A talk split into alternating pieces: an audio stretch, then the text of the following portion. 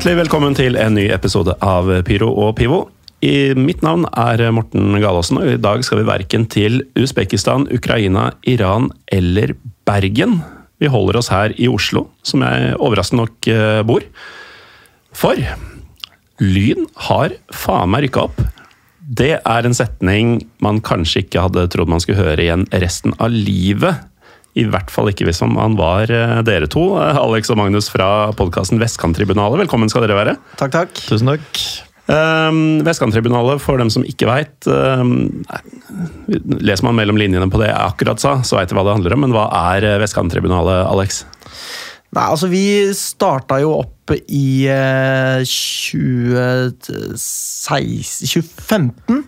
2015, i det høy, i det Lyn var i ferd med å rykke ned fra andredivisjon, fordi vi syntes det var eh, ekstremt mye negativitet eh, rundt eh, Lyn. Vi ville på en måte representere et slags sånn positivt eh, alternativ da, til alt som var av doom and gloom. Det ble ikke helt sånn, fordi vi er jo supportere, og det som skjer med Lyn, skjer med oss, uh, liksom. Men uh, så Det var i hvert fall utgangspunktet, da. Og så ble det jo bare en supporterpodkast hvor vi har prøvd forskjellige ting. Hatt konkurranser og tulla med alt mulig rart, men også i all hovedsak snakket om Lyns hjemme- og bortekamper og alt som skjer rundt klubben og tralala. eh, Og eh, har nå holdt ut eh, siden da. Ja, vi begynte jo eh, egentlig rundt en mobil. eh, Ja hjemme hos Morten, og så etter hvert eh, mye hjemme hos meg. Og så endte vi da opp i studio etter hvert. Morten er jo da tredjemannen deres. Morten er tredjemann. Eh, Nå har vi også en fjerdemann som heter eh, Nikolai etter hvert. Men eh, det var Morten, Alex og da meg, Magnus, som startet det en gang i tiden. Nikolai etter hvert er et spesielt navn. Nikolai etter hvert er et veldig spesielt navn. Alex kaller han ofte Nikolang. Hender det. Ja. Eh, men, og en del av utgangspunktet var også det at jeg hadde jo hørt på podkast i en del år. Eh, ønsket meg veldig en Lyn-podkast. Innså at det kom ikke til å skje, med mindre jeg tok initiativ og starta den selv. Eh, så jeg hører på alle sendingene, koser meg veldig og har etter hvert lært meg å tåle lyden av min egen stemme. da. Ja, det er et uh, vesentlig aspekt, uh, hvert fall hvis man skal høre på eget arbeid. Det er akkurat det. Uh, jeg, jeg hører ikke Altså, stemmen min har jeg ikke noe problem med. Men jeg blir veldig bevisst på ah, hvor mye æ og æ som jeg fyller ja. tida med. Så jeg har egentlig slutta å høre på meg sjøl. Det går ikke. Så Nei, for meg har det, gått, ja. det har fått motsatt effekt. Jeg trodde jeg snakka helt ok, og så høres jeg helt jævlig ut og orker ikke å forholde meg til det. Vi hadde ikke tenkt å si noe, men eh, Kanskje det er ølen. det kan være. Men eh, Magnus, altså Alex sier at dere skulle være en motvekt til doom and gloom-stemninga rundt eh, Lyn. Men eh, fra 2015 og inntil ganske nylig, så må det ha vært en ganske vanskelig jobb. Det har jo vært en overvekt av Doom, i hvert fall som har kommet oss sånn tilflytende fra, fra den klubben uh, vi heier på. Um, men uh, altså, vi, vi har jo vi hatt det så gøy med å lage podkast. Det, har jo, det hjelper jo. Mm. Vi legger jo ned den dagen vi ikke syns det er gøy å sitte sammen. Det er jo terapi òg, liksom. Vi går ikke også. til psykolog, vi sitter og prater på pod, liksom. Ja, det er jo på sett og vis en, eh, en eh, ventil, og så kan vi jo si at vi skal eh, Vi gidder faen ikke mer hvis X og Y, men vi sitter nå her fortsatt. Det gjør vi. Eh, Og i år er vi jo da veldig glad for at vi har blitt værende. Det skjønner jeg godt, og gratulerer til begge to for øvrig med endelig opprykk. Vi skal Tusen komme takk. dit. Takk. Men eh, vi må jo begynne i en litt sånn kjipere ende. Fordi eh, jeg hadde egentlig gitt opp klubben deres. Altså, Én ting er hva som skjedde, det som skjedde i sånn 2008, 2009, 2010 osv., men så seint som i 17 så var det jo fortsatt eh, på høsten, ganske nøyaktig fem år siden i disse dager, det var vel oktober 2017, så var siste serierunde i tredjedivisjon. Lyn Korsvoll på Bislett stadion, og over 2000 mennesker kom. Eh, jeg var der sjøl, fordi jeg tenkte dette er faktisk en liten merkedag. Nå kan Lyn faktisk komme eh, altså Om ikke opp i toppfotballen igjen, så ta et steg tilbake til der eh, altså objektivt sett klubben hører hjemme. eh, Nemlig på hvert fall et av de to øverste nivåene, helst det øverste. Og alt lå til rette for det. Så vidt jeg kan huske. Masse stemning, masse entusiasme rundt klubben. Et lag som lå an til opprykk før siste match, Og nest siste. og nest siste. Og um, Korsvoll var vel ferdigspilt for sesongen, tror jeg. Hadde ingenting å spille for. Det stemmer. Uh, Og Korsvoll er jo en sånn eh, bydelsrival, på sett og vis. da. Mm. Um, hadde annet Andreas Moen, uh, som uh, viss lønn Lyn uh, tilhenger hadde betalt da han var i Lyn, like før, for Mm. eksempel. Ikke sant? Uh, Korsvoll er jo da sånn Hva skal vi si? Altså, vi, eh, før vi går, tar den kampen, så Lyn er en vestkantklubb, hører man alltid. Men hvor er Lyn egentlig fra? Fordi det finnes så mange typer vestkant i Oslo. Altså, Dere er jo ikke en sånn Holmenkollen-klubb, føler jeg. Uh, definitivt ikke en Frogner-klubb. Eller liksom Skarpsno og hva faen det heter utover der. Uh, og da har man liksom den derre SV-vestkanten, hvis dere skjønner hva jeg mener. Der folk har penger, men er litt sånn mindre høyre Mindre Dagens Næringsliv, da. Eh, mer Dagsavisen. Sånn type Uh, Ullevål. um, og så har du da bydel Nordre Aker med sånn herre halvvestkant i form av Tåsen, Kjelsås eh, osv. Ja, du sier Ja, altså- nede Kjelsås, altså. Det er deilig. Altså, Lyn er jo en gang i tiden stiftet på, på Adamstuen. Um, og jeg, jeg er fra, uh, fra Sankthanshaugen. Uh, men kjerneområdet nå er vel liksom derfra og opp over Ullevål, Hageby og Tåsen er vel liksom sånn de klareste man har av Lynland. Og Men som du altså, sier, så er det jo Nordberg kanskje og Kringsjå også. Nordberg og Og så må vi også. slenge inn Voldsløkka her òg, da. Vi må slenge, Bare- slenge bare Voldsløkka bare, på, bare på F. Men, eh, men eh, Lyn er, og som du sier, kanskje en klubb eh, fra området med, med enda mer kulturell kapital enn kapital. uh, så, så vi er jo ikke mm, vi, Nå har vi jo fans, vi kjenner jo folk fra, fra store deler av byen, men kjerneområdet vil jeg jo absolutt si eh, begynner rundt der hvor Lyn er stiftet, og så går det nordover. Men at klubben er stifta på Adamstua, det, det var nytt for meg, for dette har ikke jeg giddet å sjekke på forhånd. Nei. Sånn sett gir det jo veldig mening at Bislett brukes, eh, og har blitt brukt eh, litt sånn av og på eh, semiregelmessig. Ja. Jeg trodde at det bare var liksom et tilgjengelig stadion som man kunne leie. Det er jo altså Lyns første treninger i 1896, da Lyn ble stifta av en eh, guttegjeng på hvor mange var de? syv stykker, eller noe sånt. Noe sånt, ja. Eh, middelklassegutter. Eh, gikk på eh, borgerskolen. Ikke allmueskolen, men heller ikke latinskolen, så det var midt eh, mellom der. Eh, de hadde sine treninger på ei løkke som er der hvor Bislett stadion er, mer eller mindre. Eh, så det er eh, klubbens arnested på Sankthanshaugen. Men eh, så har man jo forflytta seg. Det har jo skjedd også historisk de siste ja, 20-30 åra, at man har, er tettere på Kringsjå også, så nå er det mer Nordmarka enn sentrumsnært. Men det er klart man har jo tatt med seg, som Magnus sier, Nordberg, Tåsen, Ullevål. Korsvoll er jo også Lynland. Ja. Eh, og Ullevål der nede. Jeg nevnte kanskje Ullevål. Um, så det, det er liksom Klubben har forflyttet seg sakte, men sikkert fra Sankthanshaugen og nordvestover. Eller kanskje bare nord, eller? Ja, og så, så er det jo et øh, selvfølgelig et sånn åpent spørsmål. da, Hva er Lynland og hva er ikke Lynland? Det spørs du, hvordan du regner det. altså Den gangen Oslo var delt i to, så altså mellom Lyn og Vålerenga, i mye av liksom, vår supportertid, da, før konkursen, eh, så oppleves jo Lyn liksom som en klubb som favner hele hele vestkanten. Alt vest for Ulands gate og liksom opp og over Ålsløkka også. Um, men, eh, men deler du Oslo inn i flere deler, så, så hører vi jo til i liksom sentrum vest da, og nordover. Og da har vi etablert det, og det er jo da tilbake til denne dagen på mm, Det er jo i praksis en formiddag. Man spiller jo så jævla tidlig de lavere divisjonene. Um, hvor da Lyn møter Korsvoll til avgjørende match. Vinner Lyn, så rykker det opp en divisjon. Det er over 2000 mennesker der. Det er eh, et lag i sportslig medgang. Det er et lag med trøkk på tribunene. Og jeg møter jo masse Vi har jo hatt masse gjester i Pyro Pivo opp igjennom som er Lyn-fans. Mer eller mindre utøvende, men som holder med Lyn. Eh, Et par Pettere, blant annet. Um, skal ikke utlevere alle sammen, men det var flere da som sa til meg at eh, i dag må det skje. Går det ikke nå, så mister vi alt av momentum, både mm, altså sportslig, men også sånn vi, vi kommer ikke til å samle disse folka her igjen hvis det blir enda en nedtur. Eh, hvordan følte dere det før den matchen? Er dere enig i den, eh, det resonnementet? Jeg var jo ekstremt eh, nervøs, eh, selvfølgelig. Vi hadde jo en matchball mot Frigg der runden i forkant. Et lag vi skulle lære oss å hate med brennende lidenskap senere. Eh, Der ble det 1-1, så ble vi jo trukket et poeng der for et eller annet uh, uberettiget bruk av spiller eller et eller annet sånt. Og det tenker jeg det er verdt å dvele litt ved også. Det var også en del av bakteppet her som nok mange av de 2000 ikke hadde så mye forhold til. I hvert fall de som var glad i Oslo-fotballen og syntes det var spennende med Lyn. La oss Det var det dvele. at, eh, Ja, altså at eh, Lyn hadde tidligere med den høsten brukt en ikke spilleberettiget spiller mot Reddy, og så hadde vi altså en som egentlig skulle sont for gule kort, og så hadde vi vel også en eller annen eh, som ikke var ført opp i kamprapporten i en annen kamp.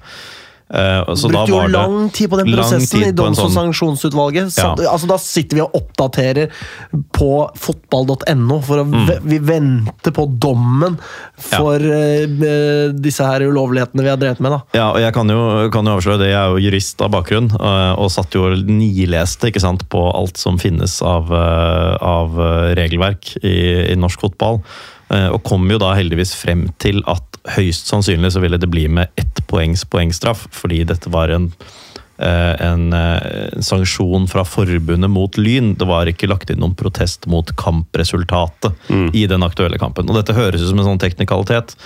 Poenget er det at hvis, vi hadde, hvis den kampen ble satt i tap, så hadde vi ikke hatt det i egne hender etter at vi avga poeng mot Skeid. Men fordi vi bare fikk ett poeng i poengtrekk, så hadde forbundet egentlig beredt grunnen. Det var klart, Lyn kunne avgjøre det på egen hånd. Det var bare å slå eh, nabo Korsvoll på Bislett i siste serierunde. Men eh, var det avgjort før Frigg-matchen? Nei, det ble, så vi trodde at alt hadde røket mot, eh, mot Frigg i nest siste serierunde. Eller kanskje, for da visste vi ikke hva sanksjonen ville bli. Og Så vi ikke vite før siste serierunde.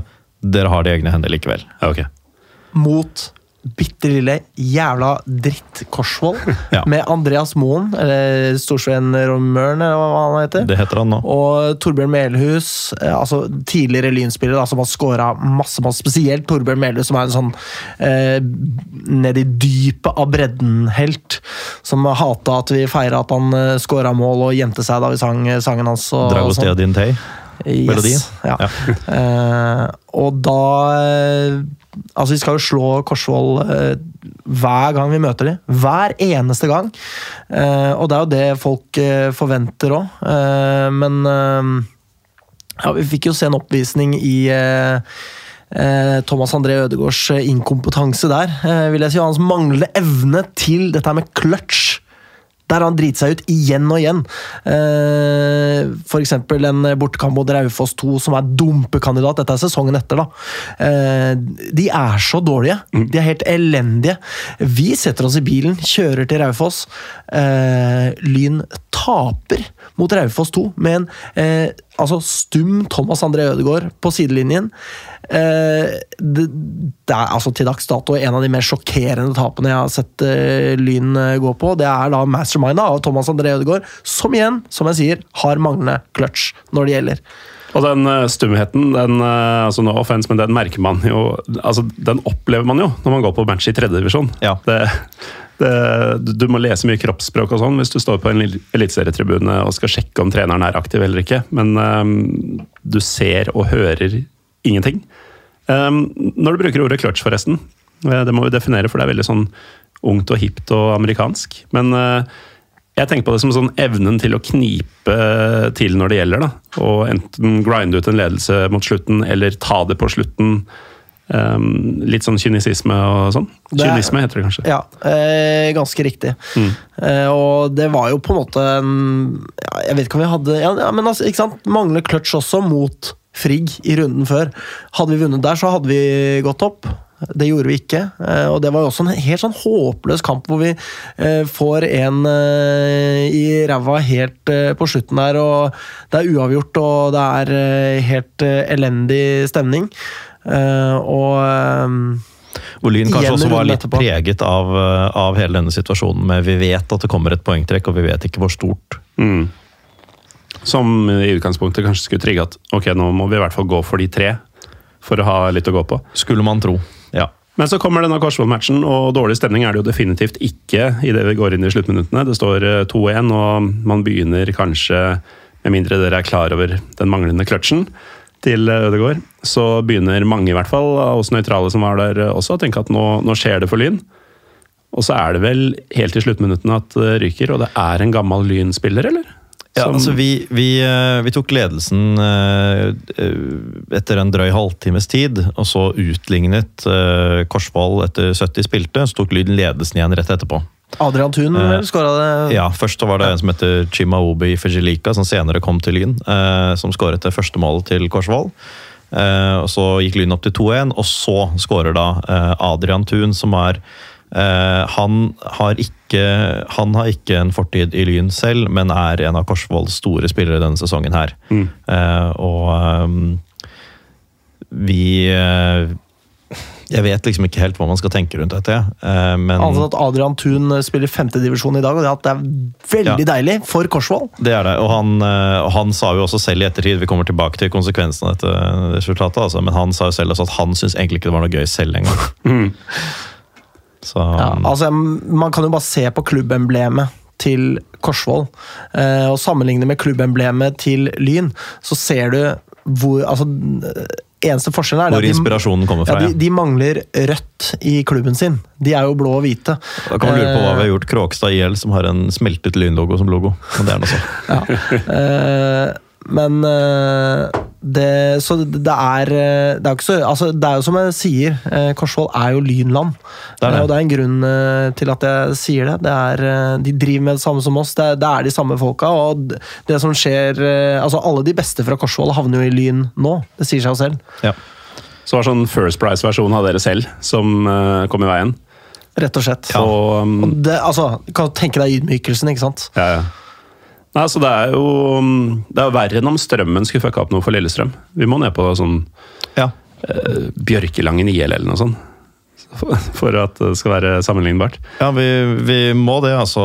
Alle de som spiller for Korsvoll, er jo godt kjent med Lyn. Eh, og veldig mange av dem har nok Lyn-sympatier på et eller annet nivå, eller det motsatte, fordi Lyn ikke ville ha dem. Mm. Men i hvert fall, det, det ville seg jo ikke denne gangen heller, og disse dommedagsprofetiene Man måtte jo bare se hvor det bar, da. Men eh, vi, går en, vi går gjennom en vinter uh, foreløpig uten både VAR og covid her til lands, eh, så alt var ikke beksvart. Men eh, sesongen 2018 opprinner. Hvordan var oppladninga og forventningene til den? Skulle jo selvfølgelig eh, rykke opp, men eh, selvtilliten får seg en knekk. ikke sant? Det er jo typisk det mange snakker om. eh, En svulmende selvtillit i Lynland som er eh, uten bakkekontakt. Og det er jo lett å kjenne seg igjen i det. Uh, man flyter jo på dette her at man er en klubb med historie, tradisjoner, en uh, vesentlighet i norsk fotballs historie, og det å skulle være en tredjedivisjon er jo bare Dette er et forbigående kapittel, her skal vi bare suse gjennom. Eh, og så går man på den smellen mot eh, Korsvoll, og da tenker man jo det at eh, ja eh, Ok, skulle det være såpass vanskelig da? Eh, og det gjør jo noe med selvtilliten inn i neste sesong, men selvfølgelig tenker jo de aller fleste dette skal vi greie. Vi tar det til neste år. Faen ta det der. Det var helt jævlig vondt å gå gjennom, men nå må vi jo ta det. Eh, Og vi, ja. man, man, når man bryr seg så mye om en klubb som det vi gjør, da, så, så tenker man jo, prøver man jo å finne forklaringer og unnskyldninger ikke sant, på klubbens vegne. og eh, noe som kan forsvare at man bruker så jævlig mye tid på den klubben her som man gjør, og forsaker veldig mange andre ting i livet eh, for å være på alle disse kampene. Og forklaringen på den 2017-fadesen eh, Det er mange, mange årsaker til den, men en av de tingene vi kunne peke på, var at eh, det var et annet lag som knep opprykket foran oss, f.eks. Andre lagene velger selv når de går opp, nærmest.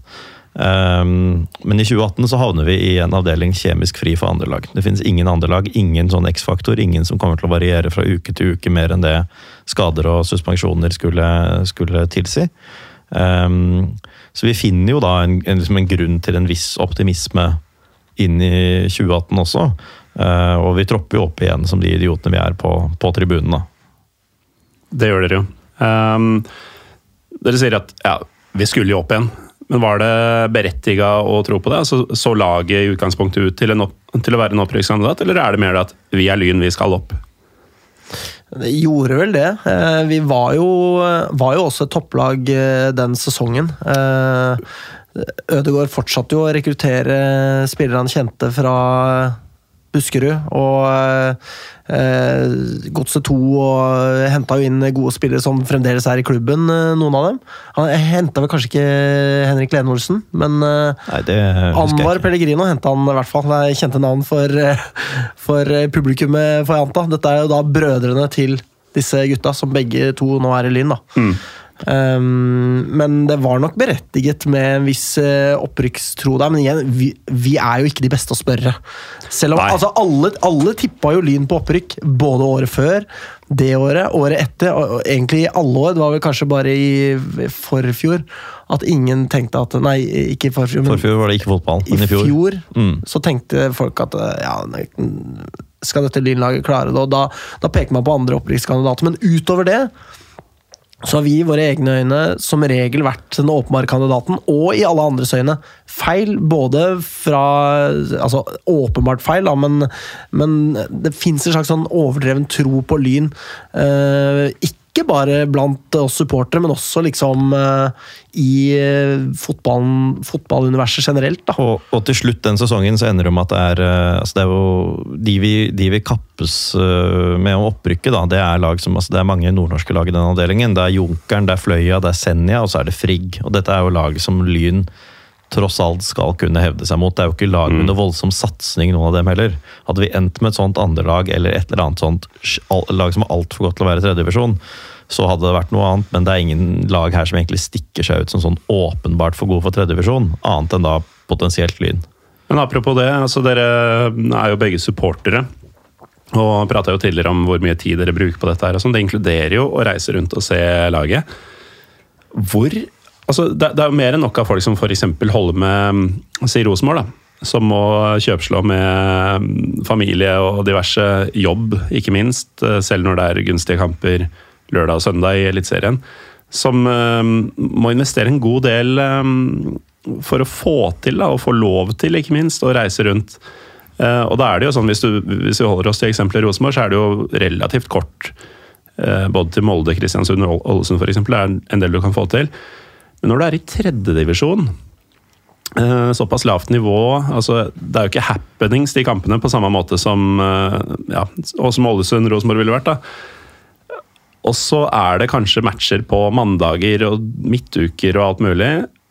Og man skal til Nord-Norge opptil flere ganger. altså Hvordan håndterer dere den situasjonen? Altså, jeg, jeg kjente jo på det da jeg var i Alta for andre gang i sommerferien min, f.eks.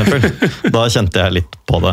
Eh, liksom strekke studentbudsjettet et stykke, da. Eh, jeg var jo student også fortsatt i, i, eh, i 2018, eh, men eh, da vi var også på, på Finnsnes for andre gang på en sesong og sånn, du, du kjenner jo at dette her er ganske sært. I den, den jobben jeg har nå, så husker jeg jeg måtte ta første gang jeg tok fri. Lurte liksom sjefen på hva jeg skulle. Jeg skulle ha langhelg. Nei, jeg skulle til Vadsø for å se Norild Lyn. da. Og Det er klart, det er, jo, det er jo for spesielt interesserte, de, de greiene her. Og det er jo vanskelig å forsvare. Nå vet jo mine aller nærmeste at vi er helt sprø. På en måte, Så, det, så det, det går på et vis. Men selv i denne sesongen så var vi på bort, en bortekamp eh, mot Junkeren i Bodø. Der var jo du også med, Alex. eh, Og tapte 5-1 ikke sant? og satt da ved siden av hver vår Lynspiller på flyet ned igjen. Det var vondt, Det var, det var vondt. altså. Reiser opp, ligger under 3-0 etter et kvarter eller noe sånt, Nå på dagstur til Bodø. liksom. Det er jo vanskelig å forsvare. Å havne ved siden av en forsvarsspiller som har spilt ræva altså, jeg, Man snur seg bare og sier unnskyld, skal vi bytte plass, sånn at du kan sitte med en spiller som sitter lenger bak her, sånn at jeg kan sitte med supporteren, og så kan vi gråte på hver vår kant, eh, liksom. Jeg kan ta av meg lynskjerfet, liksom, så du ikke Ja, Ja. Nei, det var eh, vondt. Men altså, de, eh, tilbake til spørsmålet ditt, eh, Morten. Det er vel eh, Lidenskapen og kjærligheten er jo ikke noe mindre genuin allikevel, på en måte. Det er jo der eh, Det er jo det man bruker for å selge det inn. Eh, og eh, vi er jo en eliteserieklubb. eh, som har forvilla oss ned. Det er jo sånn vi ser på det. Og så det er ikke sånn at vi har funnet oss en av, altså vi, er, vi er ikke fans av Lokomotiv Oslo, eh, som man bare finner tilfeldigvis. Eh, Ikke det at de har noen supportere utover liksom kjærester og eh, mammaer og pappa, liksom. En og annen tante onkel. Eh, Det hender det òg, ja. Eh, Men eh, eh, det er en historikk i den lidenskapen vi har, da. Uh, Og eh, dermed så er det kanskje Jeg tror kanskje det gjør det lettere å selge inn, fordi liksom ja, Det er ikke vår feil at det gikk sånn det gikk. Vi, vi følger jo bare etter, vi. Mm. Og, og, og bivåner dette med gru og syns det er verre enn uh, alle verdens uh, brennhete nudelboller, uh, liksom. Artig referanse. Ja, eh, Lytterne vet kanskje ikke hvor den kom fra, men det gjør Morten. Ja, det, um, Søk opp Pyro og Pivo på YouTube, av alle ting. Der eh, ligger um, fire julekalenderluker fra 2018 ute, hvorav den tredje, tror jeg, er dere to som er hjemme hos meg og spiser dødsnudler. Stemmer det. Og, um, Og syns det å heie på Lyn er verre. Ja, et uh, vitenskapelig forsøk på å finne ut hva som er verst av å spise perverst sterk mat eller Holmelyn. Ikke sant? Husker ikke helt hva vi kom for. Jeg tror du, Alex, gikk for at nudler var verst. Du Ja. uh, måtte Ja. Jeg husker, Ja, Jeg gikk, for, gikk nok for Lyn, tror jeg. jeg husker et tidspunkt hvor, uh, hvor du, Magnus Alex var midt i en historie og var ikke i stand til å fortsette. Så du spør rett og slett skal jeg ta over historien. Ikke sant? Ja, det, kan, eh, det kan stemme, Men det det. var i 2018, så det er jo artig at vi tilfeldigvis var der i, i dagens episode nå. Ja, nettopp. og, altså, jeg har jo hele, det jeg har kjent på hele tiden, er jo den derre vissheten, eller i hvert fall at jeg må fortelle meg selv, da må jeg liksom innerst inne tro det at om 20 år da, så er Lyn tilbake igjen. ikke sant? Eh, om så og så mange år så er vi tilbake igjen. Ikke nødvendigvis at jeg legger en plan for hvordan vi er det, men jeg tar det for gitt at når jeg er 50, så spiller Lyn, så er Lyn helt der oppe igjen. ikke sant? Eh, og da vil jeg jo ikke gå glipp av det. Det skjer jo nødvendigvis på et eller annet tidspunkt, og da må jeg jo være med på hele reisen. Hvis det skal bety noen ting. For du skal ikke være en posør. Jeg skal ikke være en posør, og det tror jeg ingen kan anklage meg for å være når man holder på med en lynpodkast på syvende og åttende år med breddefotball. Eh, Men, men eh, det har nok vært liksom litt av motivasjonen også, da. Det å, å være med på hele den reisen som på et eller annet tidspunkt kommer. Det må man jo fortelle seg selv, eller så slutter man jo å gå på kamp i dag. Og jeg tenker jo det at det er faktisk verdt å si det, og det er jo, er selvfølgelig ingen som tror meg på det, hvis man følger et lag i Eliteserien eller, eller Obos for den saks skyld, at det, det har en verdi å følge et lag i bredden. Fotball er fotball også der. Eh, Det er ikke like spektakulært, selvfølgelig er det ikke det. Men eh, når vi fyrer pyro gjennom hele 2022-sesongen, og det er, det er ville tilstander, og eh, de nyankomne kidsa er drita fulle og elsker livet når Lyn har eh, slått eh, Frøya 6-1, så liksom eh, det har en verdi, det òg.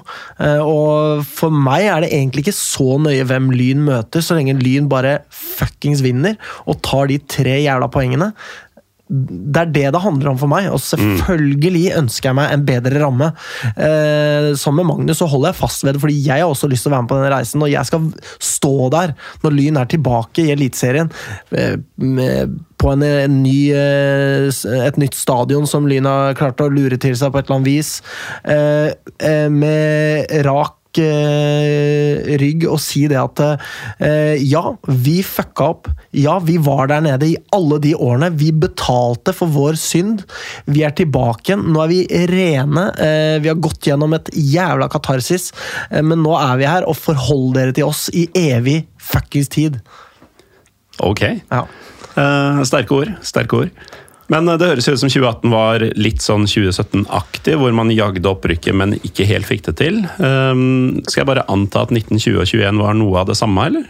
Har det vært noen det, Det, som har altså, i 20, 2018 da hadde vi alt i egne hender frem til eh, runde 22, tross sånne pinlige mm, dagsturer til Bodø, som, som det vi nevnte i sted. Um, så gir vi det jo bort egentlig på, på egen hånd. Og for oss, selv om det, ikke, det nok ikke er så synlig, synlig for de som ikke følger Lyn fra dag til dag, eh, så er det et 3-0-tap for Frigg her, som sitter igjen som, sånn, eh, som et sånn ordentlig traume på supportersiden i Lyn. Og det må jo sies at det er jo de to siste rundene det avgjøres, er det ikke det? Det er i hvert fall på slutten her, så er det jo Senja, Lyn og eh, Frigg som kjemper om opprykket. Ja, det er Eh, Senja skal møte fem, Lyn. femte og fjerde siste runden, faktisk. Ja, ok. Men Senja skal i hvert fall møte Lyn. Det er en nekk en nekk her, eh, men Senja skal møte Lyn. Senja, Senja skal møte Frigg, og Frigg skal møte Lyn. Så alle møter hverandre der. De som kommer best ut av eh, disse kampene, er mest sannsynlig det laget som rykker opp. Eh, Lyn går inn i den første kampen mot Frigg, eh, som er flass for oss. En eh, bakgårdsklubb som det ikke er noe vits å bry seg om i det hele tatt. Og da nok en såkalt eh, Ødegaard masterclass. Stiller sammen østers på sidelinja. Vi taper 3-0. Slipper inn tre mål i første omgang, og eh, Frigg altså først og fremst Vital Kurtis Kaba, som vi aldri kommer til å slutte å hate, eh, scorer for Frigg eh, og feirer da foran Bastionen fordi Lyn ikke ville ha han med som spiller i førsesongen den samme sesongen. Og er det noen eh, i hele kongeriket som var enig i at han gjerne burde spilt for Lyn, så var det jo oss. Eh, feire foran Lyns benk hadde jeg nok skjønt litt mer av. Eh, feire foran oss, det skjønner jeg jo mindre av. Eller jeg skjønner jo hvorfor det skjer, men eh, da han hadde mislikt Han hadde drevet og sendt meldinger, litt sånn hets, til Lyn-supportere i ettertid og sånn også. Og etter den kampen så er det jo vi, vi skjønner Spiller at nå på nivå fem. Ja, han spiller på nivå fem, ja. Eh, Men det er, det er ferdig opprykket for den sesongen. Da gjorde jeg noe så sjelden som å gå i pausen. Det, det, gjør jeg aldri. Men da var jeg så forbanna at jeg skjønte det at eh, blir jeg her, så kommer det til å gå dårlig. Ja. Jeg kan ikke være her. Jeg eh, kan ikke sitte inne. Nei. Så jeg må gå. Eh, Og det gjorde jeg. Eh, Og det, ja, det, det var ikke gøy. Og vi begynner jo, Det vi begynner å gjøre da, er jo å slippe opp for liksom unnskyldninger. Um, begynner å slippe opp for den der liksom andrelagsgreia. eller ikke sant? Altså, Hva er det som står i veien? Det er jo bare Lyn selv. Eh, og denne historien om liksom lynsyken, da, den liksom skjøre, tandre lynsyken, den, uh, den får liksom virkelig bein å gå på. Uh, og den har jo fulgt oss helt frem til eh, sesongen i år. Eh, Så nevnte du 2019 også. Eh, Vi skal ikke bruke lang tid på alle, alle sesongene her, men i, men i 2019 så får vi inn Bent Inge Johnsen. Og det er jo etter et krav om å få ut Ødegaard, fordi nå Ja. har folk fått nok av Skal spille 3-4-3 i tredjedivisjon for det vil forvirre motstanderen, men det forvirrer jo åpenbart Lyn mye mer enn det forvirrer noen motstandere. ikke sant? Um, men vi får inn Bent Inge Johnsen, eh, et stort fotballnavn sånn sett, men eh, havner i en avdeling hvor Vålerenga 2 bestemmer seg for å gå opp. Vi får en brukbar start, eh, men uh, Vålerenga har eh, De vinner 15 av de første 17 eller noe sånt. Noe liksom. altså, det, er ikke, det er ikke mulig å holde følge. Eh, satsingen oppleves som at den er litt sånn i ferd med å dø. Det er fortsatt engasjement på tribunen. Vi er fortsatt noe litt spesielt på det nivået, men det er litt på nedadgående. Og etter sesongen så bestemmer Lyn seg da for å flytte fra Bislett og opp til Kringsjå, Mm. til treningsanlegget. Eh, Og da føles det for meg i hvert fall som om vi har gitt, eh, gitt litt opp. Vi kan ikke gjøre noe hvis andre lag satser. Jeg kan ikke møte opp hver jævla helg på bekostning av alt. Jeg er jo han rare som uteblir fra alt og forpliktelser hele tiden pga. Lyn. Planlegger alle ferier rundt det. Det går liksom ikke når det da skal ta T-banen mot Sognsvann til nest siste stasjon, og så liksom rundt studentboligen og bort og møte 30 andre, da. Ja, fordi For da å ta det tilbake til denne Korsvoll-kampen, Morten, hvor du snakker om at eh, det er nå eller aldri. Eh, Fra og med det øyeblikket så ser jo vi, sakte, men sikkert, at eh, kurven peker nedover. Mm. Og nedover. Og nedover. Og nedover. Vi blir færre og færre og færre og færre. Eh, Vi blir rarere og rarere. det føles Selv dere. Selv Selv oss. Det føles rarere å synge på kamp. Eh, Det er ikke noe bluss. Eh, Vi synger nøyaktig de sang, samme sangene som vi alltid har sunget. Eh, Det er rett og slett det folk snakka om som er i ferd med å skje. Eh, Og det vedvarer jo egentlig altså, ja, Det er 2019 vi er i nå, er det ikke det? Vi er 2019 nå. ja. Ja, eh, Og så kommer jo 2020-sesongen. Koronaåret. Ikke noe fotball for Lyn. Et helt jævla år. Uten Jeg, å se jeg jobber med det hele tiden. Skriker inn i en pute iblant, liksom. Uh, og det er jo ikke optimalt med et sånt opphold for et supportermiljø som allerede er litt sånn på grensen mellom gøy og pinlig. Nei, det nærmer seg jo en, um, en avgrunn her. Ja, og Når vi da i tillegg skal flytte fra Bislett stadion, som jo er jo altfor stort for det formatet vi har, men allikevel et bedre alternativ enn Kringsjå eh, Når vi da skal bort fra Bislett, eh, hvor vi har rom for å vokse, eh, og opp da til Kringsjå, som vi har tilskuertall som er for store for, eh, nede på Bislett, så skjer jo altså, Da tenker vi at nå, dø, nå har de drept supportmiljøet. Nå er det eh, gamle, sure gutta i klubben som har sett seg lei på supporterne og eh, ser sitt snitt til å gi oss nådestøtet, og at vi ender opp som en gjeng med sittende gamle grinebitere som eh, mimrer tilbake til eh, tida i Eliteserien, og det var det. Ja. Rett og slett. Og de samme gutta som prater om Barcelona på 60-tallet og sånn. Ja, det er de vi liksom mm. Ja, og som liksom ikke, ikke helt uh, er lydhøre da, for liksom våre argumenter om at supportermiljøet er noe mer enn det der. Altså, det- De mente jo at ikke sant, våre bekymringer rundt sånn samlingssted og pub og sånn kunne, kunne adresseres med et øltelt på Kringsjå eller møtes på Egon på Ullevål. ikke sant? Mm. Det er jo noe med det, Og det er, det er ofte litt sånn vanskelig å argumentere mot det også, da. Hvis du snakker med et menneske som overhodet ikke har noen forståelse for den supporterkulturgreia, Nei, det er døve ører. det er døve ører, eh, og det opplevde vi virkelig at det var. At selv i breddefotballen så var klubben kanskje i ferd med å liksom skli litt ut av våre hender. da. Nå er daglig leder i Lyn en, en eh, ordentlig, ordentlig Lyn-supporter, som vi har full tillit til, eh, til eh, kjærligheten til Lyn til. Men, men vi opplevde jo her at eh, nå, nå dør det, da. Og spesielt med det koronaåret eh, etter det vi oppfatta som nådestøtet. At det var en ekstra Ok, ja, nå er det bare kjørt. Kommer noen tilbake igjen, liksom. Ja, og det verste nesten med koronaåret var at du visste ikke Altså, det er nesten som man ikke husker det lenger, men man starta med å stenge samfunnet i to uker.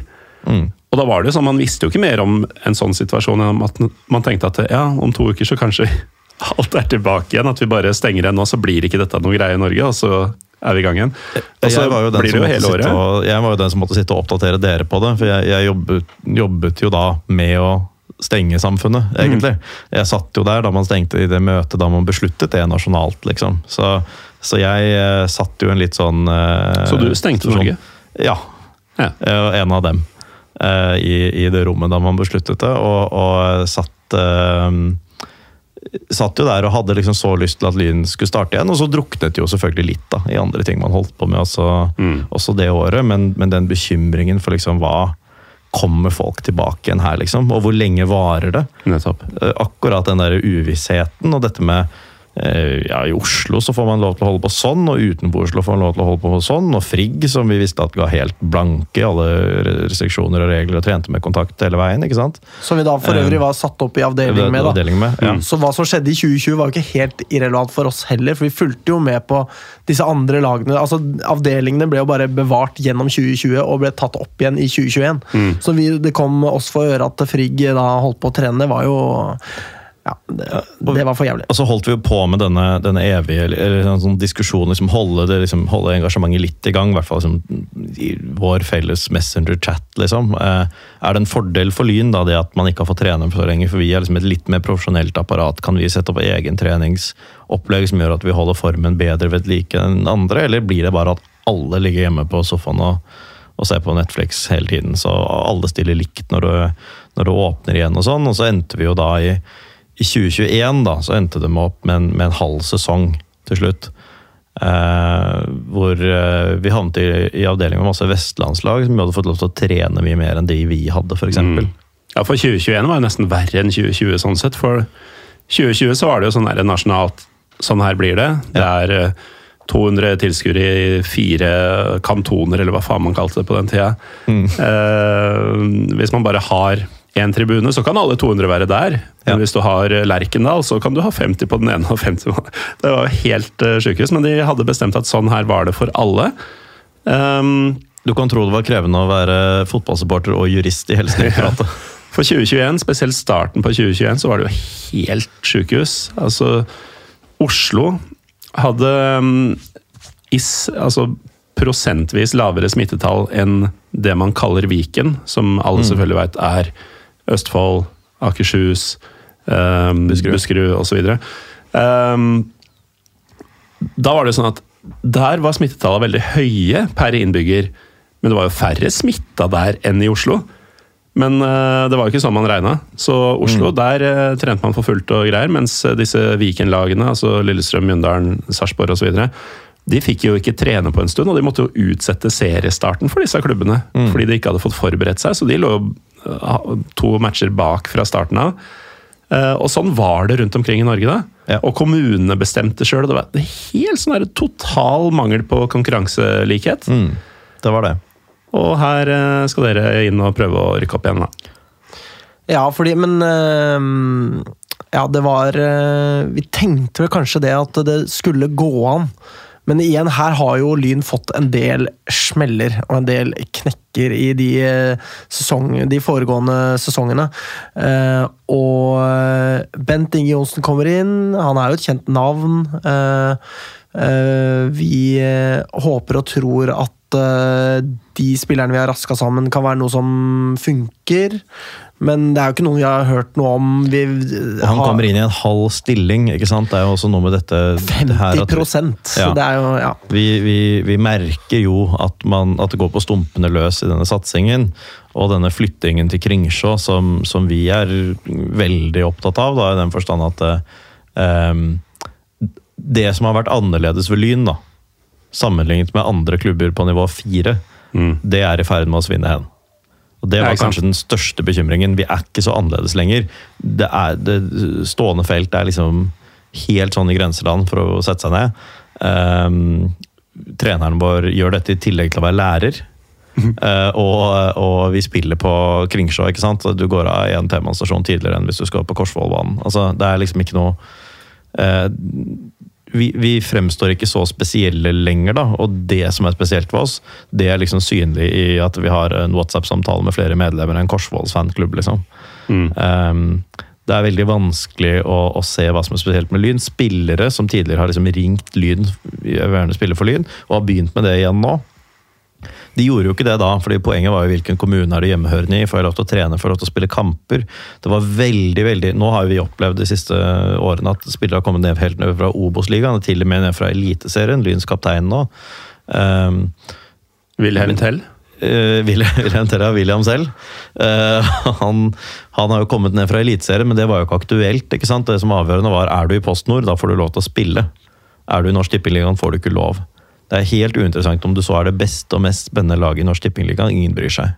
Og, altså, jeg mener, I den forbindelse Vi hadde jo to eh, ja, Det var mange som røyk på den tida der. Eh, Ola Hong, Nei, ikke Ola Hognrud, men eh, han som gikk til Kjelsås. Hva heter han igjen? Eh, Sturle Ottesen? Nei, ikke han. Eh, han andre. Dette er bra. På, Han andre som gikk til Kjelsås. Han andre, ja. Jeg vet ikke. Ja, nei, Jeg husker ikke hva han heter. Like greit, Han spiller i Kjelsås fremdeles. Men eh, vi mista jo Mikkel Tveiten, som jo var U-landslagsspiller, og i Lyn. Eh, han uh, hadde jo Altså, han uh, hospiterte hos andre klubber, var på treningsopphold i Southampton. Ville være i Lyn, men så kommer det et år hvor han ikke kan spille eller trene, eller noen ting som helst. Da forsvinner altså den mest ekte Lyngutten vi har, omtrent. Han, han sto jo også på Lyntribunen når ikke kampene krasjet på stående felt. Denne sesongen. Denne sesongen, Mm, ja. ja. Da han spilte, fortsatt spilte i Skeid. Og ikke bare det, men vi mister også August Rander, som er et sånn uh, Ullevål uh, Hageby-ikon. ikke sant? Han er, han er liksom uh, noe alle Lyn-supportere kan identifisere seg med, omtrent. Uh, og eh, da er det jo ganske Liksom Vi ser det liksom svinne hen eh, gjennom fingrene. Hva er det vi sitter igjen med her, på en måte? Og når vi da endelig får se Lyns første kamper siden 2019, eh, i den 2021-sesongen, så er det eh, en uavgjort bort mot Lysekloster. Eh, det høres egentlig dårlig ut enn der. Vi oppfattet ikke det som så veldig dårlig. Det var et av lagene som var snakket ganske opp før sesongen. Men så starter vi da de fire første kampene i en sesong med bare 13 kamper. Tre uavgjorte og så et tap borte mot Fana. Og da er det jo mm, Da skal da, det virkelig, da skal det veldig mye til. Ni kamper igjen. Du har ingen seire og ni kamper igjen, liksom. Spesielt når Frigg har vunnet. Fuckings Frigg! Ja. Vunnet og vunnet og vunnet Ja. og fuckings vunnet. Og gikk ubeseiret uh, gjennom sesongen. Riktig. Men i 2021 så, skje, så er det jo da store nyheter utenfor banen på flere måter, som er det som egentlig tar fokus og gir litt sånn ny giv, da. Fortell. Ja, altså det er, det er to ting. Eh, det ene jeg vil nevne, det er eh, sånn supportermessig, aller først. Eh, det er at det skjer noe på tribunen. Så ut av intet så dukker en haug med gærne unggutter opp. Ja, fordi dette må Altså, vi må jo egentlig et år tilbake i tid. I 2019 er Ja. det en gjeng smågutter som har krøpet seg mot stående felt. Altså, de har gått fra å være ballgutter, som har stått og sett på eh, bluss og eh, alt mm. det gærne som har skjedd på tribunen, og tenkt hva Ventet på å bli store nok til at mamma og pappa sier de kan gå alene på kamp. kan, kan jeg være der? Og så blir de eldre, og så kryper de nærmere og nærmere, og nærmere, og så blir det et større og større innslag av det, og så sier de i 2019 I 2020, da tar vi over det feltet der. Da er det vi som skal stå der. Så kommer koronaen. Ja. Men når da 2021 kommer, da skal alle gutta opp der og styre butikken.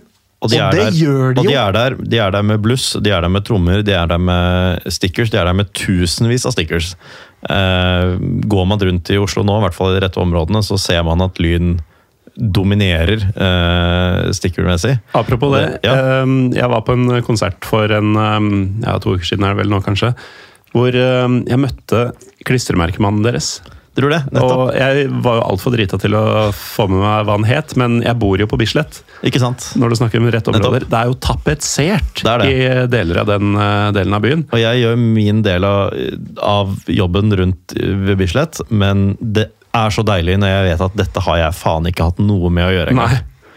Nei, eh, han jobber, altså. Ja. Eh, Sikkert flere, men eh, gud bedre. Han, eh, Absolutt. ha- han kjører ikke opp sånn ett her og ett der. Nei, nei, sånn, nei. Hele samlingen skal på hver sånn takrenne, eller hva det, det der røra. Helt ekstremt. Og, og eh, for meg da så føles det sånn supportermessig som at vi på en måte vi har eh, en gang i tiden liksom lovet å løpe én etappe av Holmenkollstafetten, og så kommer vi til veksling, og så er det faen ingen der. Og så må vi løpe én til. Og så må vi løpe én etappe til, og en etappe til. Vi orker ikke en til, og så kommer det en ukjent kar på 18 og bare tar tak i stafettpinnen og drar deg etter den opp igjen, liksom. Opp til, eh, til Holmenkollen. Det er helt vilt. Vi skjønner ikke hvor de kommer fra. Altså, vi visste jo at de, vi visste jo fra 2019 at det skulle liksom, at noen hadde til hensikt å ta over. Men, men plutselig så er det der, og de er mange. Og de er ikke så jævlig rare som man skulle tro engang. Altså, det er- Faen, så fine det er folk fine folk, ass. liksom.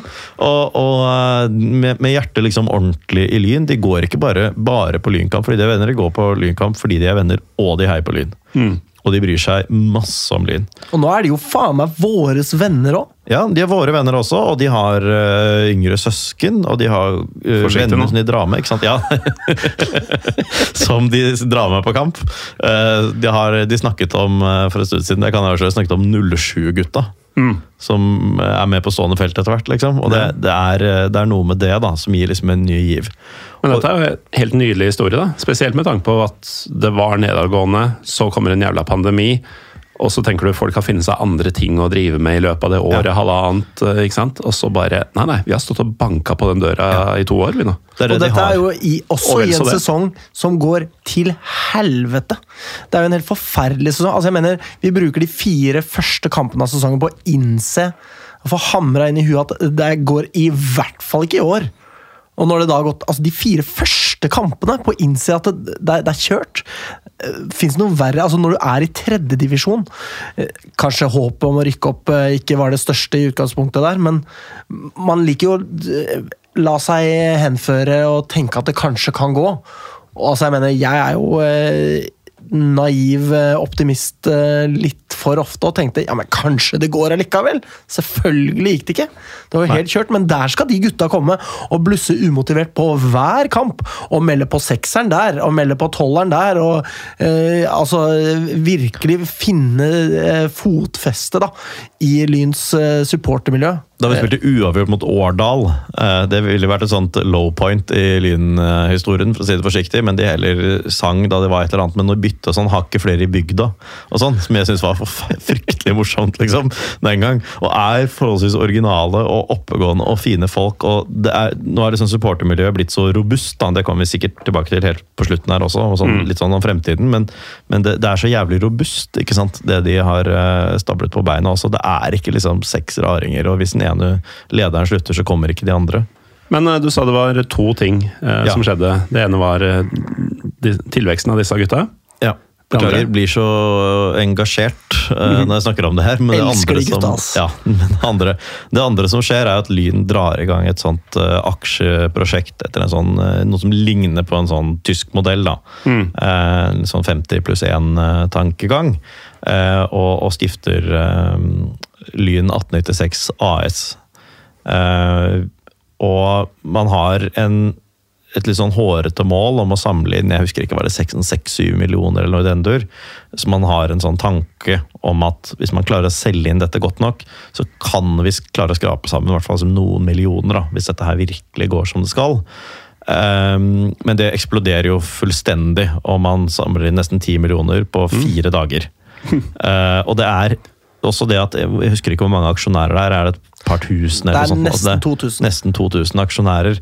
Det er liksom ikke en sånn store fisker som kaster inn hundretusener av gangen. Dette her er Ja, det var noen som det kasta var 100 noen som, 000. det var noen som Den gjorde det. som men det eier er- mest, eier jo, jo, men Alex, 3,5 Alex, det er, eh, det er eh, 2000 eh, mennesker som velger å investere i Lyn. Noen av dem sikkert litt fordi prosjektet er kult og man har en liten eierandel i Lyn, og de er egentlig ikke så veldig opptatt av Lyn, men veldig mange også som er, er opptatt av lyd.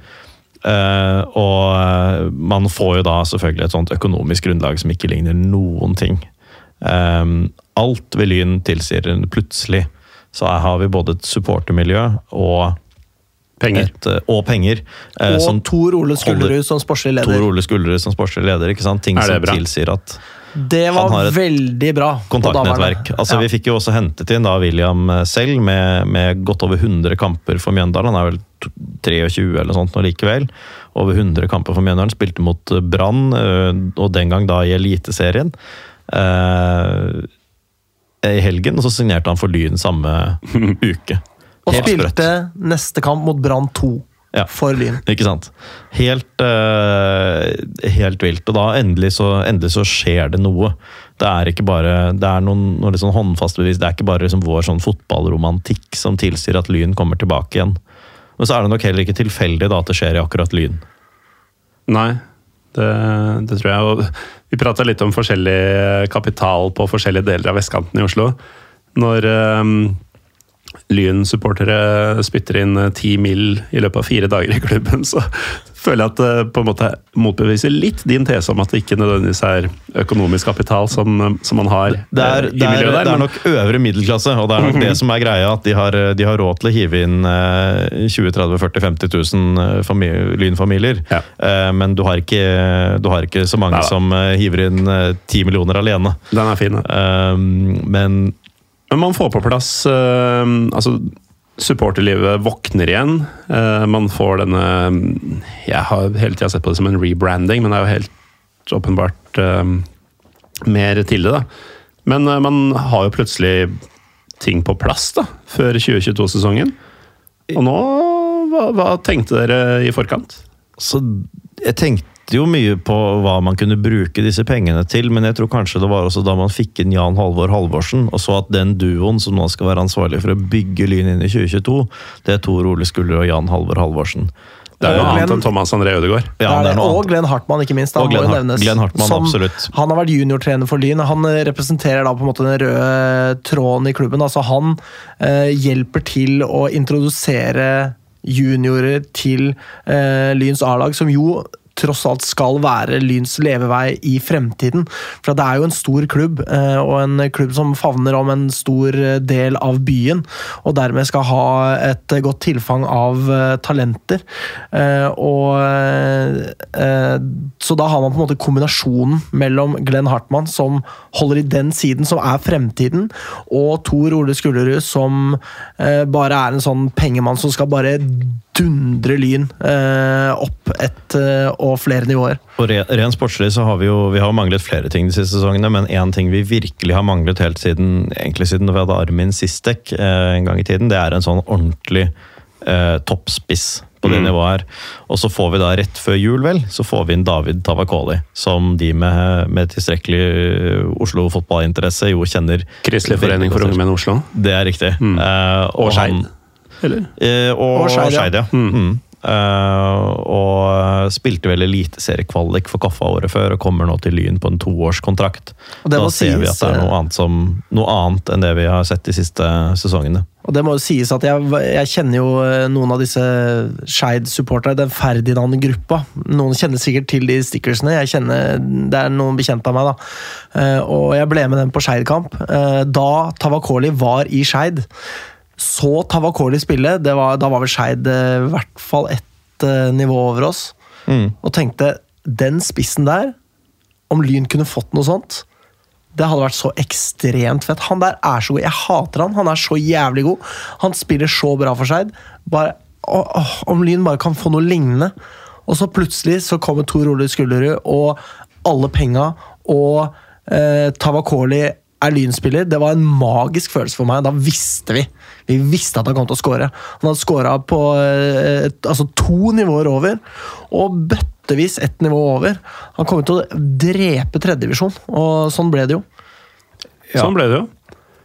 Han, um, han, var helt altså Jeg må bare nevne det at uh, han, han uh, skåret 17 mål for Skeid på nivå over ikke sant, sist han var i Post Nordligaen. Ja. Da vet vi hva vi får, og vi vet at vi får vårt største udekkede behov. Da. Nemlig det å få noe ut av det sportslige overtaket kamp etter kamp. Det er sikret denne sesongen. Det behovet er nå bedekket. Ja. Så um, kommer jo 2022-sesongen, da. Og nå har vi jo brukt mye lengre tid på Bølgedalen enn jeg hadde antatt. Uh, vi har ikke flere pils å knekke, men uh, her skal dere få boltre dere. Altså, dette blir jo en jubelsesong, omsider. Dere um, Altså, det er rart at alt dette handla om tredjedivisjon så langt. Og ja. det å komme seg ut av tredjedivisjon Man skulle ikke tro, uh, med mindre man veit åssen det er, da, at dette betyr så mye for folk og sånn, men dere går inn i dette med ny giv, vil jeg tro. Og endelig Altså, det krones jo med opprykk. Men åssen er 2022-sesongen? Altså, hva, hva, skjer i løpet av 2022-sesongen? Altså, Det er jo ikke bare vi som går inn i det med fornyet tro, det er jo også disse unge supporterspirene våre. Eh, ja, som, så dere som i Lyn, tenkte jeg. Ja. Eh, nei, altså vi, eh, vi vet jo at vi har det beste laget. Eh, vi vet at vi har eh, styrka oss eh, mer enn Altså, vi har, vi har, fått ut alt som er av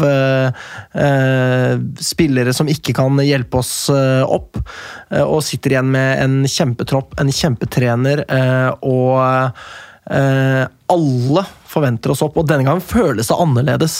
Eh, vi, vi vet at det er liksom vårt navn og rykte som eh, har eh, plassert oss som favoritt år etter år, men denne gangen føles det ikke som om at det er navn og rykte som plasserer oss der. Det er mer kvaliteten på troppen, kvaliteten mm. på treneren, og altså, selvfølgelig også vanskelighetsgraden på avdelingen. Det var jo Før vi hadde henta alle disse spillerne, så så vi hvordan avdelingen så ut og tenkte kan, kunne vi vært heldigere? Nei.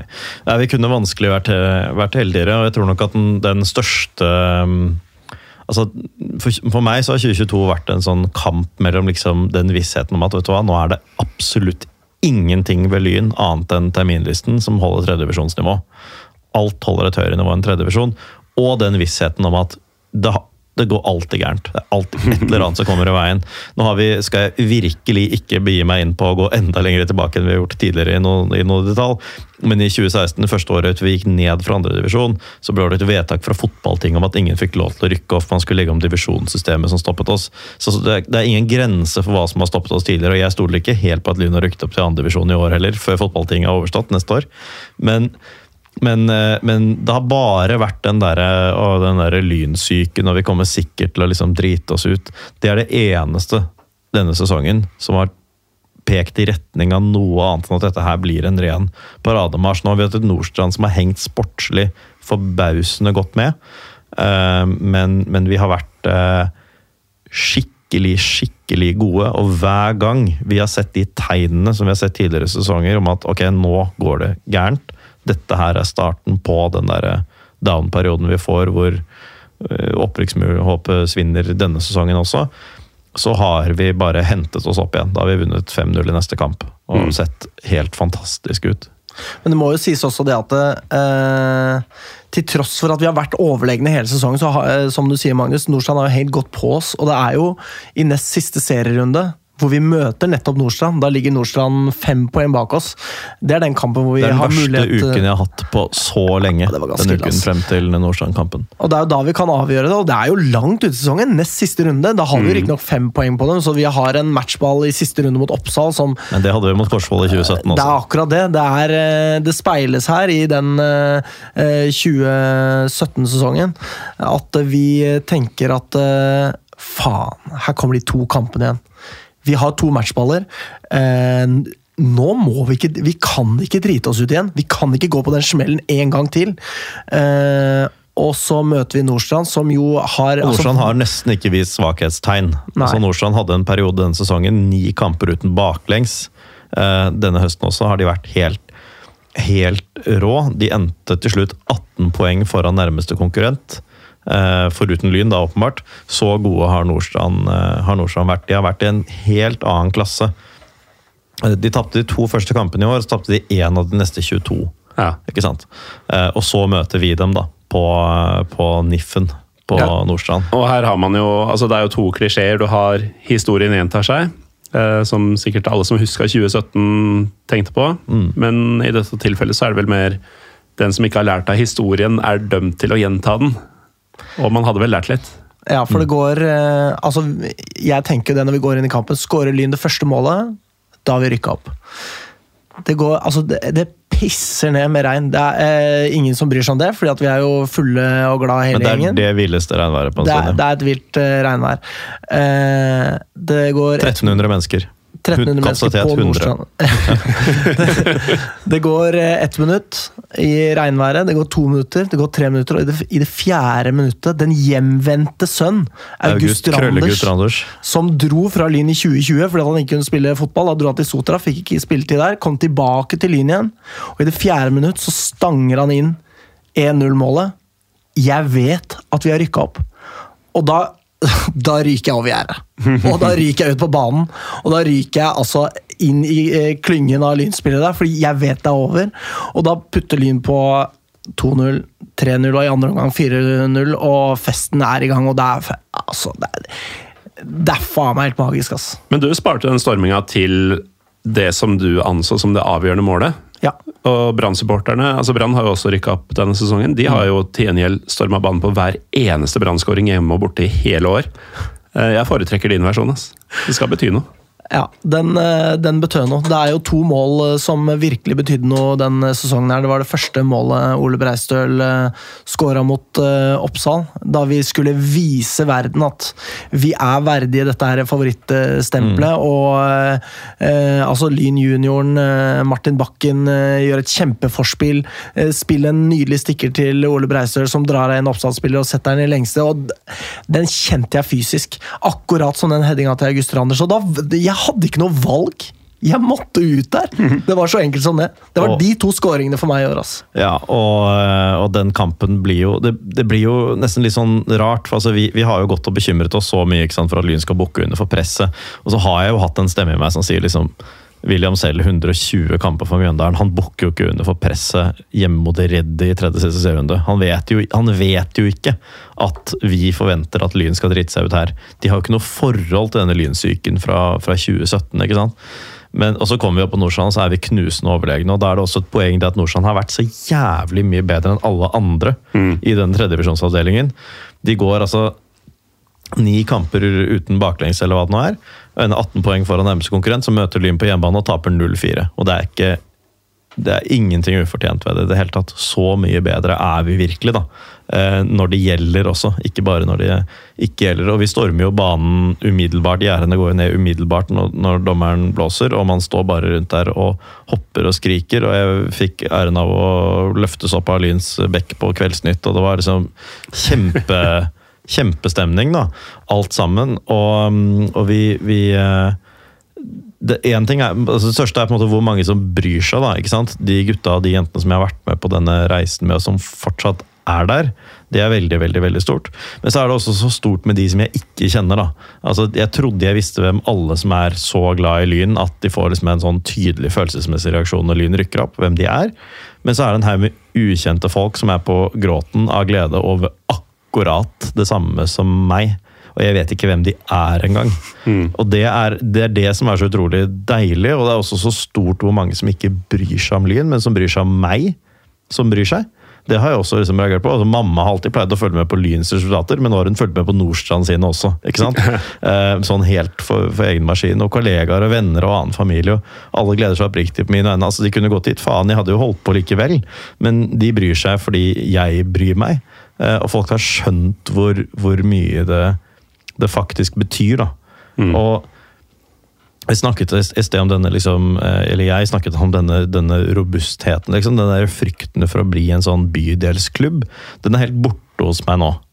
Eh, de som innerst inne har, liksom, de som har sagt at jeg vil bry meg om Oslo-fotballen og Lyn har en naturlig plass der, men innerst inne hadde syntes det var liksom litt gøy eh, hvis Lyn faktisk bare visnet hen og, og, og døde. De kan, de kan, glemme det. Spillere ringer og vil spille for oss, for oss, igjen.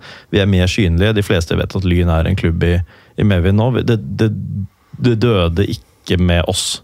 Mm. Virkelig. Det gjorde ikke det, og det kommer ikke til å gjøre det. Det er en sånn, en sånn robusthet i supportermiljøet i klubben nå. Ja da, vi lever på, på denne aksjeemisjonen og sånn rent økonomisk, men, men, Lyn er noe helt annet. Og, og det, det, snudde i tide, da. Man rakk å få liksom denne skuta på rett kjøl i tide. Men uh, det har jo vært en kjempesesong åpenbart for dere, og vi har jo tidligere snakka om at det har vært sjuke divisjoner med turer til Vadsø og Fana og sånn. Eh, det må vel ha vært noe greier denne sesongen også? Altså, Dere har dratt hjem med seier, stort sett. Det har ikke vært grining eh, med spilleren i nabosetet på EM fra Nord-Norge. Men øh, har det vært noen spesielt minneverdige jeg tenker spesielt bortematcher? Det er liksom det som er mest eksotisk i, i supporterlivet, og kanskje spesielt på lavt nivå. Ja, altså eh, jeg, jeg, gikk på krykker etter å ha skadet meg da vi slo Nordstrand, etter vi slo Nordstrand i andre serierunde. Så jeg gikk på krykker halve sesongen og var også på en sånn dagstur til Bergen hvor vi spilte 1-1 eh, mot Frøya. Og det var ikke noe særlig, men vi fikk satt opp en busstur til Fyllingsdalen borte. Eh, og hadde altså full buss. Det var, liksom ikke, det var folk som ikke kom med på bussen. Avreise halv seks om morgenen. Eh, kjørte, kjørte rett til Bergen og um, endte da i altså Dette var jo en kamp som vi, som vi um, mot et lag som vi før sesongen regnet med skulle være en av våre argeste, rivaler, uh, Fyllingsdalen. Um, og kommer dit, havner under 1-0, ligger under 1-0 til pause. Det er politi til stede fordi det er noen liksom, bråkmakere fra Bergen som, som, har lyst til å hilse på oss. Uh, men uh, men vi, vi ligger under 1-0 til pause, da, ikke sant? og det er jo litt sånn antiklimaks. Um, så er det en, et helvete av en, av en, annen omgang. Vi snur til 2-1. Um, Fyllingsdalen utligner til 2-2, og så dunker vi inn både, både 3-2 og 4-2 helt på slutten. da. Uh, og det er jo livsviktige poeng. ikke sant? Uten dem så hadde vi kommet opp på den Nordstrand-kampen i nest siste serierunde uh, med to poengs margin istedenfor fem. Det er noe helt annet. Nordstrand kan gå forbi denne kampen. Um, og vi er en full buss, og vi er mange som jeg vet godt hvem er. Og en full buss. Og en, og en full buss, ja.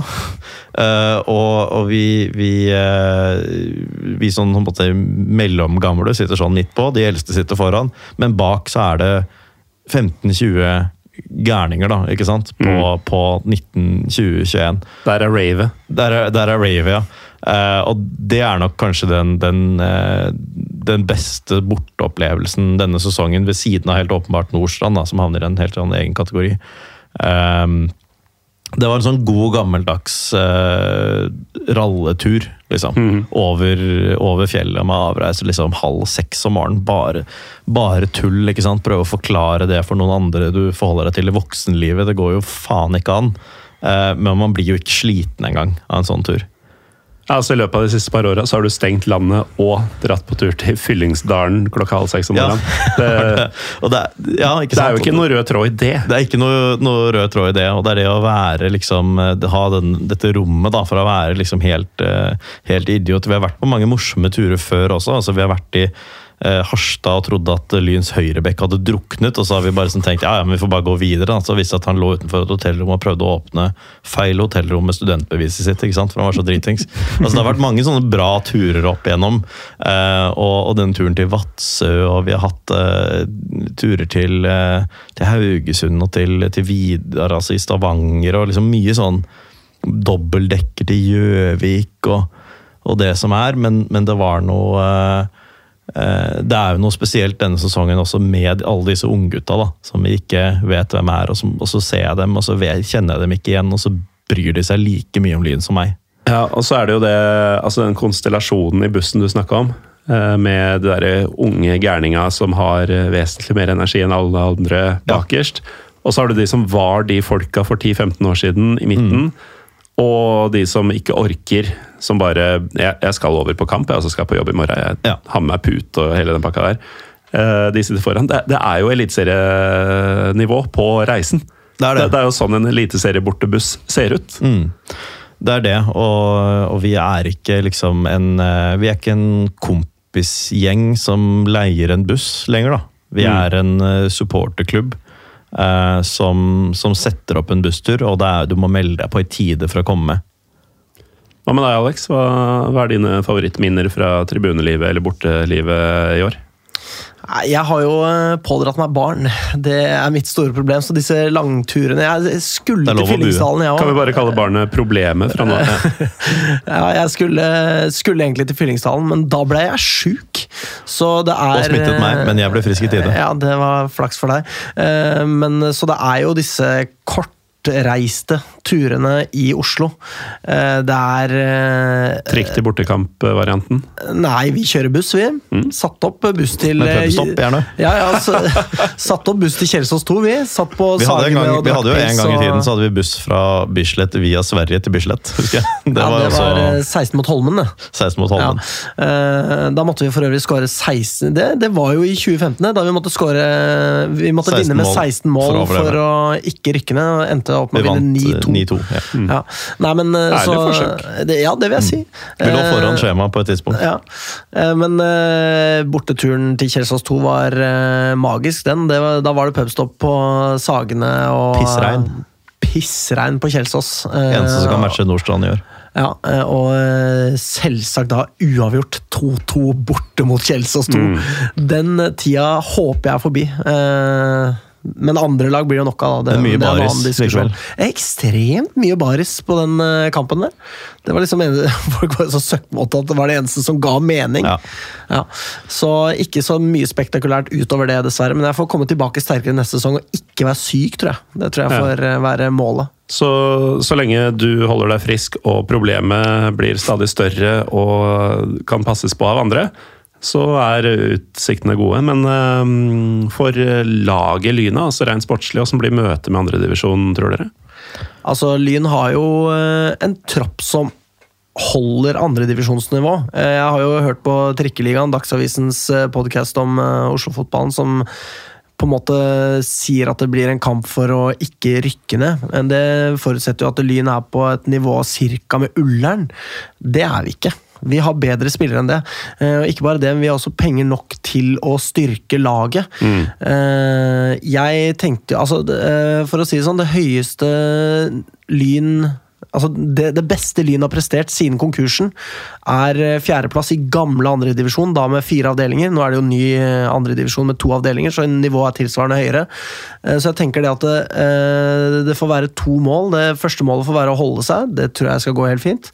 Det andre målet får være å komme høyere enn åttendeplass, som jo er en dobling av den fjerdeplassen.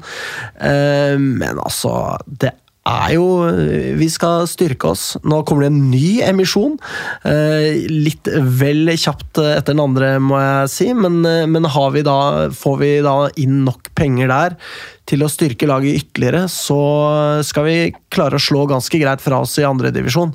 Eh, og på sikt også klare å rykke opp, eh, tenker jeg. Det er mye vann som skal renne under broa før den tid, osv. Men eh, det er absolutt verdt å se opp for Lyn eh, til neste år, og noen nedrykkskandidat eh, kan jeg ikke se for meg at eh, vi er.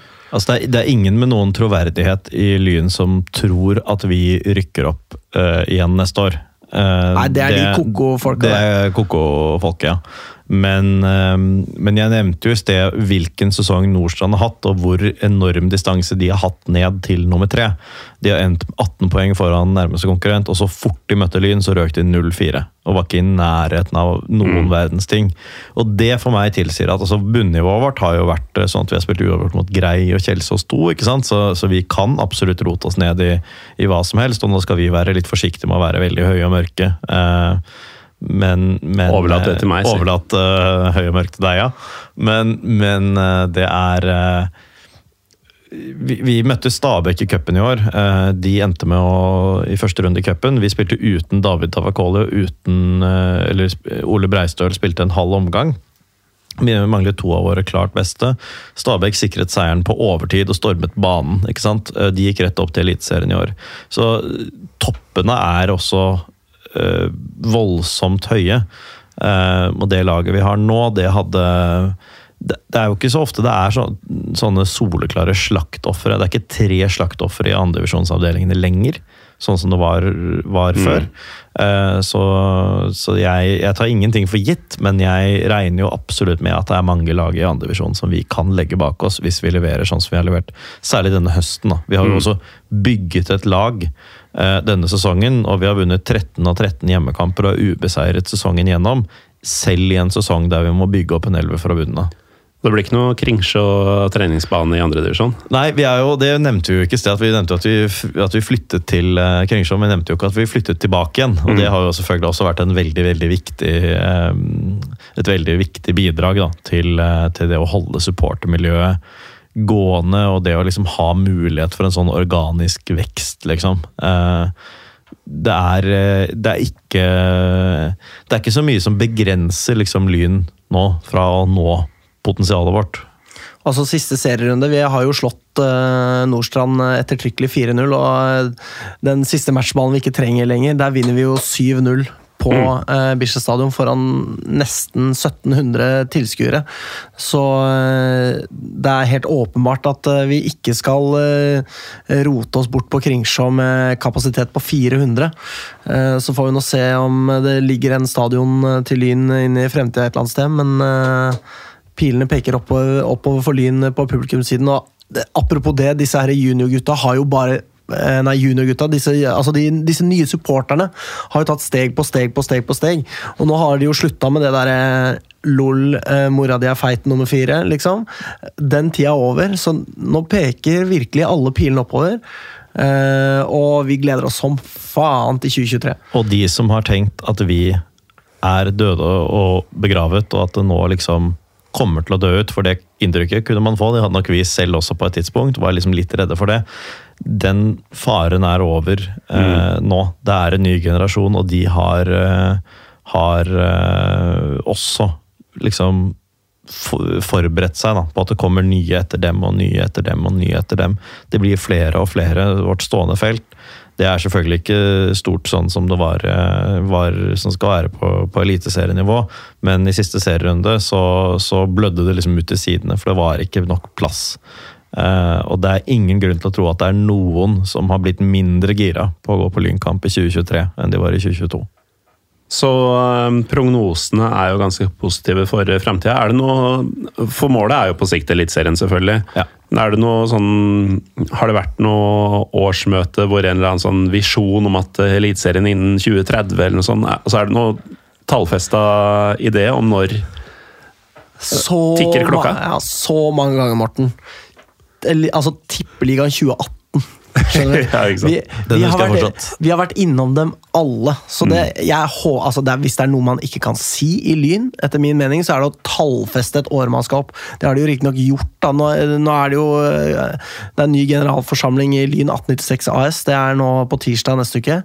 Der det Eh, skal være emisjon? det er da Ja. man skal finne ut om folk har lyst til å ha ny emisjon eller ikke. Mm. Eh, Der blir det jo nevnt at man skal rykke opp til Obos i 2024, så der er det jo tallfesta, da. Men eh, eh, man, Mm. Så man har to år på seg på å rykke opp fra andredivisjon? disse festtalene må man ta med en klype salt. Hvis det er noe vi har lært oss, så er det det. fordi at Ja. dette tallet ble flytta. Tippeligaen i 2018, Tippeligaen i 2019, og så begynte man å si Eliteserien 2020. Eliteserien, ikke sant? Så um, Og hvis, hvis fotballtinget i uh, NFF på en gang i tiden, da, så tror jeg det var, det var jo noen og 40 dagers varsel fra vedtak til seriestart. En sesong hvor man bestemte seg for at det er ikke lov å rykke opp. Det er ikke mulig å rykke opp. Da har jo de fleste planlagt sesongen sin for lengst, ikke sant? hvem de skal spille for denne sesongen. Og så gjør man om det. Det er, det er, ingen, det er ingen grenser for hva som kan gå gærent, så vi er veldig forsiktige nå, men vi, vi, seiler i, vi seiler virkelig i medvind på alle nivåer nå, da. Mm. og altså, går den emisjonen Og det er så veien fortjent. Det er så- så fortjent, ja. Selvfølgelig er det det. Og går den eh, emisjon nummer to veien, det er selvfølgelig ikke gitt, det må jeg bare si, men gjør den det, da har vi penger til å rykke opp til Obos. Det har vi. Eh, og om vi får til det, det Altså, bare Jan Halvor Halvorsen setter grensene her, si. Han er jo eh, Norges opprykksspesialist eh, nummer én. Han er, før eh, årets sesong så han har rykka opp seks ganger. Nå har han rykka opp sju ganger. Han fikk Bryne opp fra andredivisjon til Obos-ligaen.